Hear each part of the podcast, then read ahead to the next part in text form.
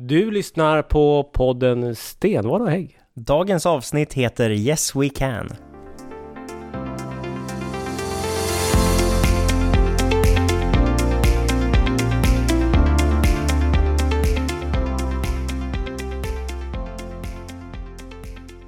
Då var det dags för eh, sista avsnittet innan sommaren, Alexander. Ja, Ska vi säga välkommen hit väl- till alla som lyssnar. Ja, och eh, nästa avsnitt som eh, kommer vara av mer eh, eh, normal eh, poddkaraktär kommer väl släppas typ i brinnande valrörelse. Precis, då har vi fullt upp. Men du, vi hade ju fullt sjå att hitta på namn till den här podden. Ja, vi har betat av ganska otroligt många. Ja. Eh, jag kände, vi var inne på ett filmtitelspår, att vi skulle vara i filmvärlden och rota, men vi hittade liksom inget som passade där. Jag var till och med inne i tv-spelsvärlden och eh, rotade, men vi, Passar absolut inte heller. men vi hijackade en gammal Obama-slogan till slut. Ja, vi ska lägga till också att eh, han hade ju tillägg till den också. Change. Ja, precis. Ja, Så att ja. det är väl, skulle kunna heta det också. Ja. ja. Eh, vi tänkte idag, alltså vi du pratade om gamla filmtitlar, men vi ska ju blicka tillbaka lite grann. Ja. vi. Det är, alltså, det är viktigt att man som politiker blickar framåt, men för att blicka framåt så måste man också titta bakåt. Annars måste man se upp.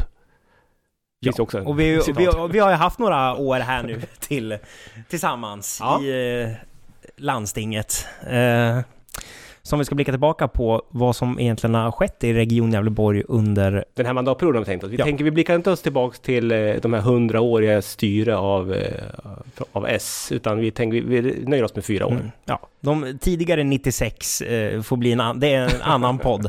Eh, men de senaste fyra åren med sossarna vid makten och oss i eh, opposition. Ja. Vad är det som har hänt under de här fyra åren som... Ja, det är ju självklart, svaret är ju självklart, men du får. Eh, Break it. Ja, det, har ju, det var ju någon smitta som härjade. Eh, Covid-19 tror jag att det hette. Eh, som eh, Det är 2020 börjar den, så att... Eh, våren 2020 som har härjat ganska... Ja, jag tillträdde ju precis när pandemin tog fart.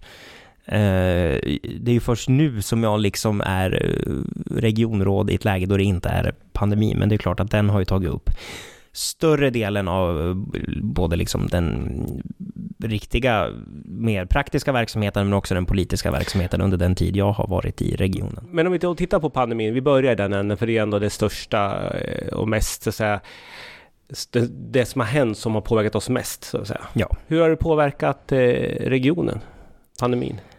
Hur skötte vi hanteringen? Vi, vi börjar i den änden. Vi börjar i den Ja. änden. Eh, Det var ju ganska mycket diskussioner om eh, när ska vi göra, vad ska vi göra och hur snabbt går det och, och ingen vet någonting egentligen. För det första så måste jag nog säga att personalen på golvet har väl varit de mest snabbfotade som ställde om och anpassade sig otroligt snabbt. Sen har det väl käbblats mycket politiskt, liksom i de övre leden i regionen, där vi, ja men om man bara ska ta ett exempel på vad man gjorde under pandemin, så eh, sa ju vi tidigare att vi borde nog var, testa vårdpersonalen först för att säkerställa att vi har vårdpersonal som kan ta hand om alla som blir sjuk.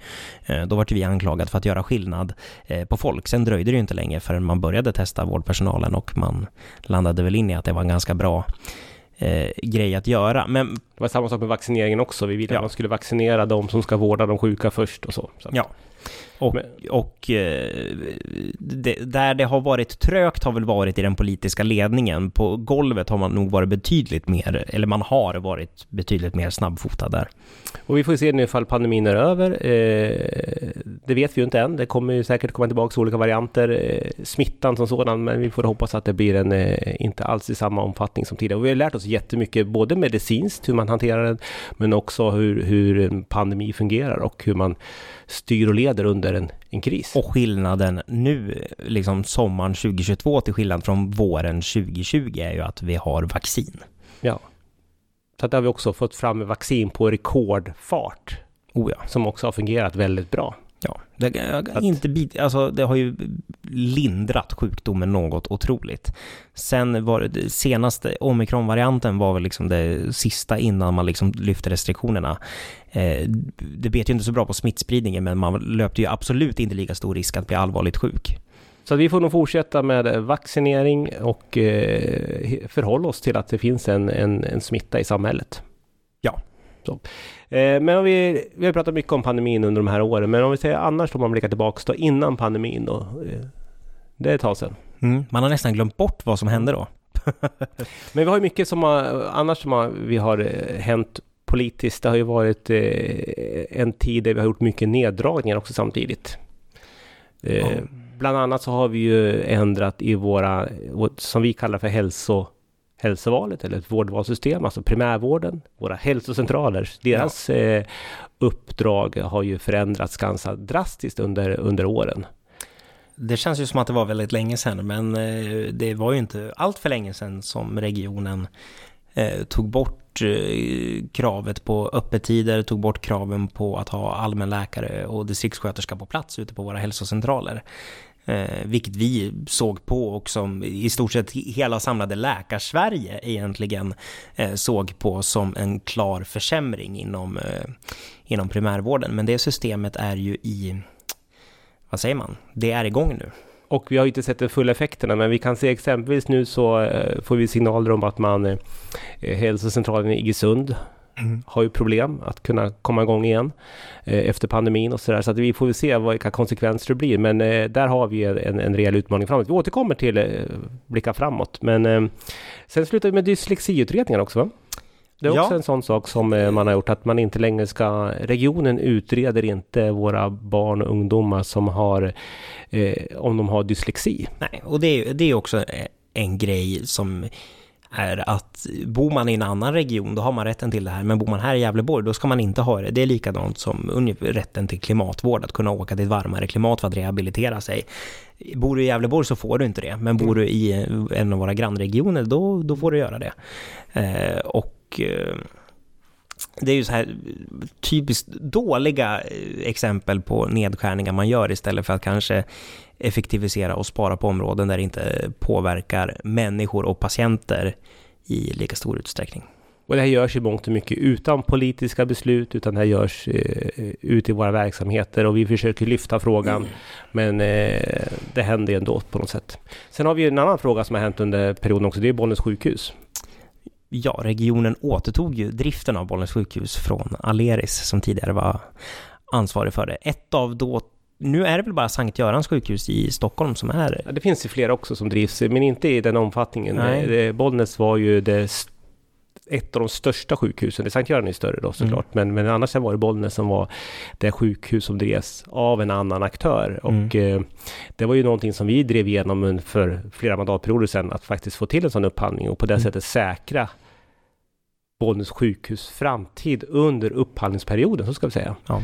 Nu märker vi att nu är ju Bollnäs sjukhus återigen hotat när man tog tillbaks egen regi och nu börjar man diskutera vad ska akuten innehålla och inte i Bollnäs. Mm. Så att det här är, det, det skakar lite grann. Men det är väl också som är typiskt för den här perioden att man, man tar tillbaka saker i egen regi och på det sättet försöker liksom det finns ju andra saker som man också vill ta tillbaka i egen regi som man tittar på. Så att det där är en väldigt viktig konfliktfråga. Där vi ändå är inne på det temat så kan jag väl säga att i den nämnd där jag sitter, hållbarhetsnämnden, där vi har kollektivtrafiken, där har man ju nu, nu är man inne på tredje gången där man utreder huruvida man ska återta all kollektivtrafik i egen regi, för det är ju inte regionen själva som kör eh, bussarna utan det är ju trafikföretag som vi upphandlar eh, busstrafiken och eh, tågtrafiken ifrån. Och eh, först så bad man det att utredas internt i organisationen huruvida det, det var en bra idé att eh, köra alla tåg och bussar själv.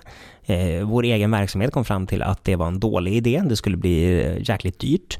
Eh, då var man inte nöjd med det från vänstermajoritetens sida, då upphandlade man en konsultutredning som skulle titta på det. Den har jag inte sett röken av, den tror jag har kastats i någon papperskorg. Jag misstänker att den kom fram till exakt samma sak som vår egen verksamhet kom fram till och nu har man gjort en en till utredning, en större utredning där man ska se om man kan återta... Man har börjat med den? Man har börjat ja. med den, där man ska se om man kan återta jättemånga fler verksamheter i egen regi som idag är på upphandling, eh, där kollektivtrafiken och eh, sjukresor är, eh, är med så.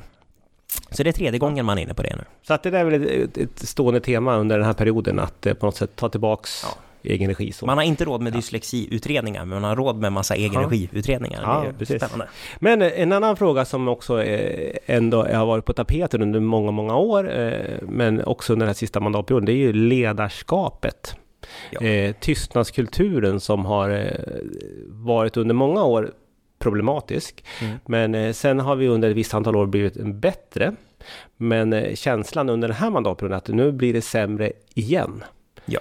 Eh, där har vi ju någonting att det, det innebär ju att det, vi kan ju läsa om i tidningen och vi blir ju kontaktade av medarbetare som inte vågar säga vad man tycker. Mm. Man är rädd för repressalier. Det, det är så tydligt att man till och med skriver att jag får inte säga det här för då riskerar jag att få sparken. Mhm. Eh, och när vi påtalar det för, för majoriteten så tycker de att vi hittar på. Ja. Eh, men alltså det här är ju medarbetarna som, som förmedlar det här. Ja, men det är bara att slå upp Gävle Dagblad så hittar man ju liksom artiklar om olika eh, verksamheter i regionen där det står uttryckligen att, om om jag får ta ett exempel, att Marie säger så här, Marie heter egentligen någonting annat för hon vill inte säga det här offentligt.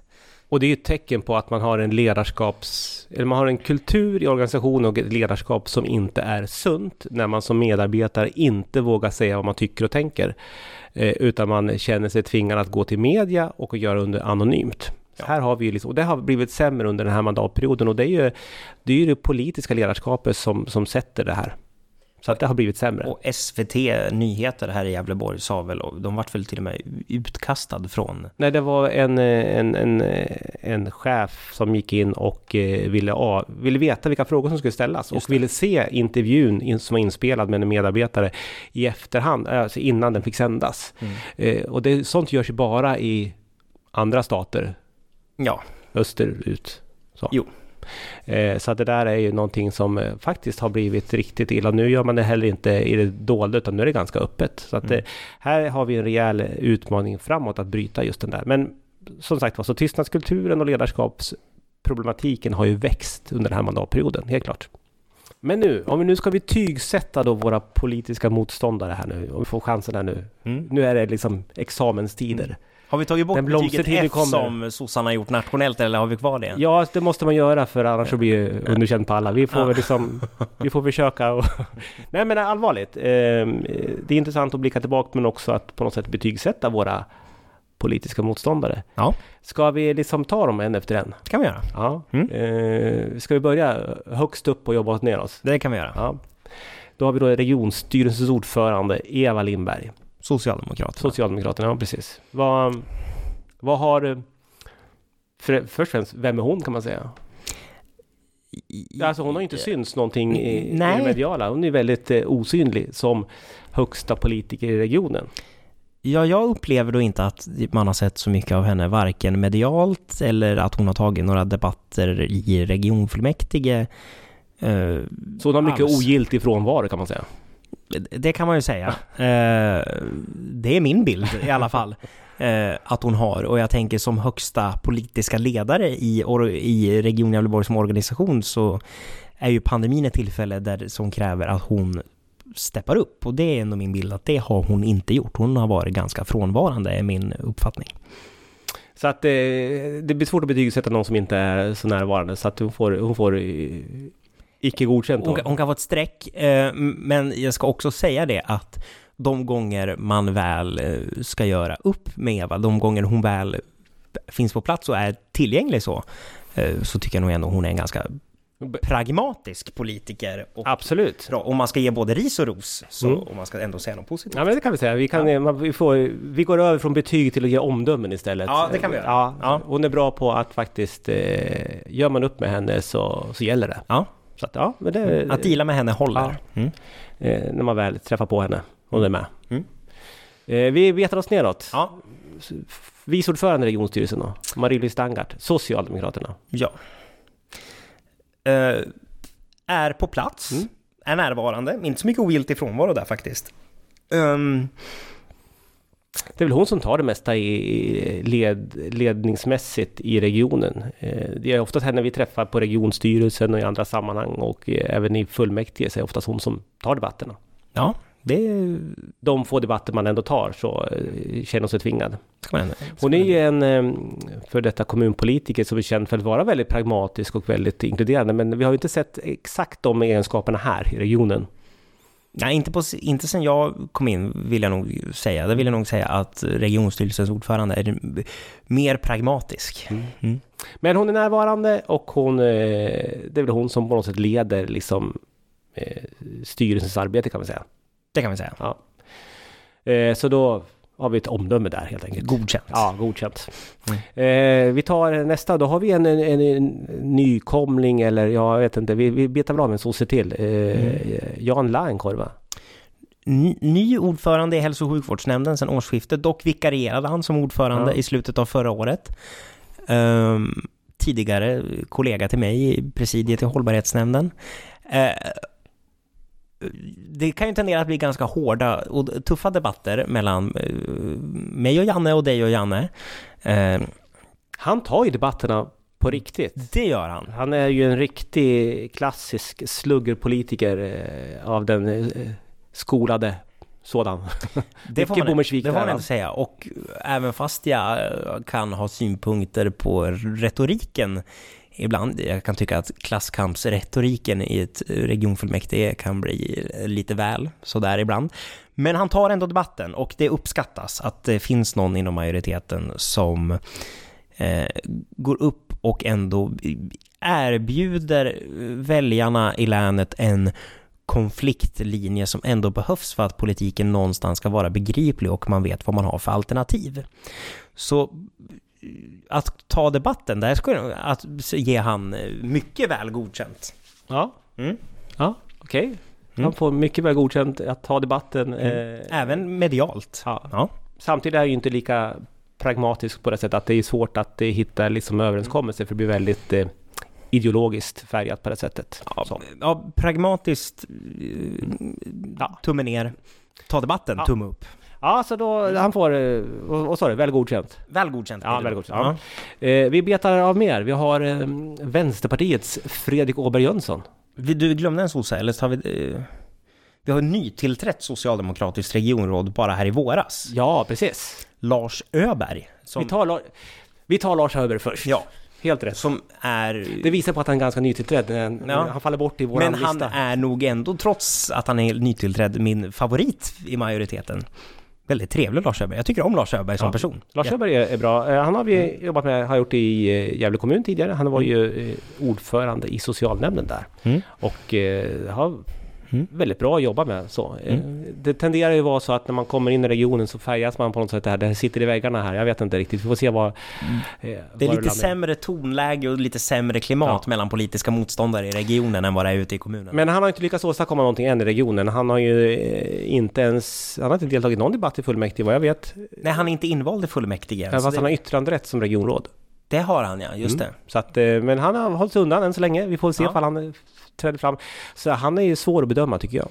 Ja, att, men på att vara eh, väldigt trevlig och kunna skilja ja. på sak och person, ja. så mycket väl godkänt. Ja. Jag gillar Lars Öberg. Bra början där. Ja. Nu går vi tillbaka igen till våran eh, vänsterpartist. Fredrik Åberg Jönsson. Precis. Ordförande i hållbarhetsnämnden.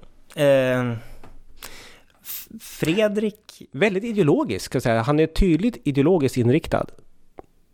Ja. Såklart en annan ideologi än våran, men ändå, han är väldigt eh, ideologiskt färgad, vilket också har visat sig i det, det som han ändå nu försöker åstadkomma på sluttampen här under mandatperioden. Han ska, han ska ju sluta efter valet. Eh, ja, precis. Egen, kollektivtrafik i egen regi. Eh, han är inne på tredje försöket nu. Eh, ingen reklam på bussarna. Eh, också socialistiskt, ideologiskt. Driver gärna på att det ska vara avgiftsfritt att resa kollektivt. Mm. Han säger ju gratis, ja. men ingenting är gratis. Det kan vara avgiftsfritt. Um, ja, väldigt ide ideologi, mycket väl godkänt. Um, han, är, han, är, han är skolad i den, i den eh, mm. vänsterpartistiska skolan. Absolut. Ja. Eh, pragmatisk, godkänt. Ändå. Skulle jag som presidiekollega till Fredrik vilja säga.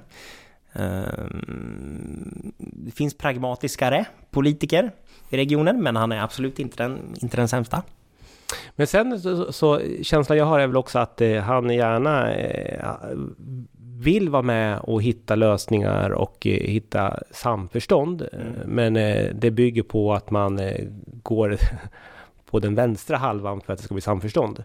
Och när man inte gör den så blir han lite frustrerad och mm. eh, det har vi märkt av på slutet att det kanske är en, det här samförståndsmöjligheten är inte riktigt helt Nej, har funkat så. Är det, så är det nog. Ja. Men han ska sluta nu. Han ska det tycker jag är synd. Jag tycker att han, är, han har varit en, en bra kraft. Trots att han är fel politisk färg så har han ändå varit en, en bra kraft i regionen på sitt sätt. Det, vill, det mm. tycker jag ändå. Ja, och då går vi, ska jag säga, vänster eller högerut. Magnus Svensson, Centerpartiet. Ja, från Vänsterpartiet får jag väl ändå säga att det blir högerut. Eh, Magnus Svensson, ordförande i kultur och kompetensnämnden och regionråd för eh, Centerpartiet och eh, the mastermind bakom eh, det nya hälsovalssystemet. Um, ja. Eh, pragmatiker. Vad säger du? Eh, jag tror att han har som ambition att hitta bred samsyn. Han vill vara den breda mitten, försöker han vara på regional nivå och eh, här ser vi att den breda mitten inte riktigt finns. Den är ganska den breda mitten finns inte på hans planhalva om man säger så. Nej, lite grann som nationellt också. Ja. ja. Så att han har ju lite tufft att kämpa där och han får nog kämpa ganska hårt mot vänsterkrafterna. Mm. Så jag tror inte att han är... Han vill inte driva den politik som han tvingas göra. Exempelvis hade vi nu med gårdförsäljningen så var ju en fråga vi hade uppe som eh, eh regeringen utreder nu om man ska tillåta gårdsförsäljning av alkohol på, ja, men på ett bryggeri mm. som, som tillverkar lokal öl. Och man kan sälja några flaskor till sina besökare och ta med sig därifrån. Typ Hälsingepilsner i Ljusne? Ja, ja, eller jä, jä, jädra öl ja. eller eh, Bockens bryggeri. Vi har ja, ja. Eh, men, eh, och det här är en nationell fråga som Centern faktiskt har varit pådrivande nationellt. Men när det väl kommer till kritan regionalt, då slits ju Magnus Svensson av sin nationella politik åt ena hållet och sen att hålla sig, hålla sig vän med Fredrik och Eva på den andra vänsterkanten vänsterkanten. Mm. Eh, och tyvärr när han var tvungen att ta ställning så valde han vänsterkanten före mm. sin egen politik. Jag ska dock säga det att är det någon jag rent politiskt i sakfrågor hejar på i majoriteten så är det ju Magnus Svensson. För är det något parti inom majoriteten man ideologiskt känner sig närmast, trots att det har blivit längre och längre bort, så är det ju ändå eh, Centern. Men det är inte alltid så att det syns i, i, i resultatet som kommer Tyvärr. ut. Bollens sjukhus och Aleris-frågan där är ju en sån strid där man hade önskat att Centern hade gått segrande ur. Jag menar, Annie Lööf har till och med stått i partiledardebatter och pratat om hur fantastiskt Bollens sjukhus och Aleris eh, där har varit. Så eh, Magnus får väl egentligen underkänt då? På den delen. Han har inte lyckats. På den delen. Ja. Han borde vara lite mer pragmatisk högerut än i, i vänster inåt i majoriteten. Så vi får se, han kanske hittar rätt i framtiden. Vi får se, det är ett val i september. Eh, då har vi sist ut då. Karin Jansson. Miljöpartiets också avgående eh, regionråd. Tyvärr avgående ja. också. Henne kommer vi sakna kommer jag. Karin är ju också en favorit. Men Miljöpartiet kommer inte sakna, men Karin kommer vi sakna. Så är det. Ja. Eh, Karin är ju en favorit bland majoritetspolitikerna också. Eh, väldigt pragmatisk, lösningsorienterad. Eh, hon har inga problem att säga att hon har haft fel, eller att vi har rätt.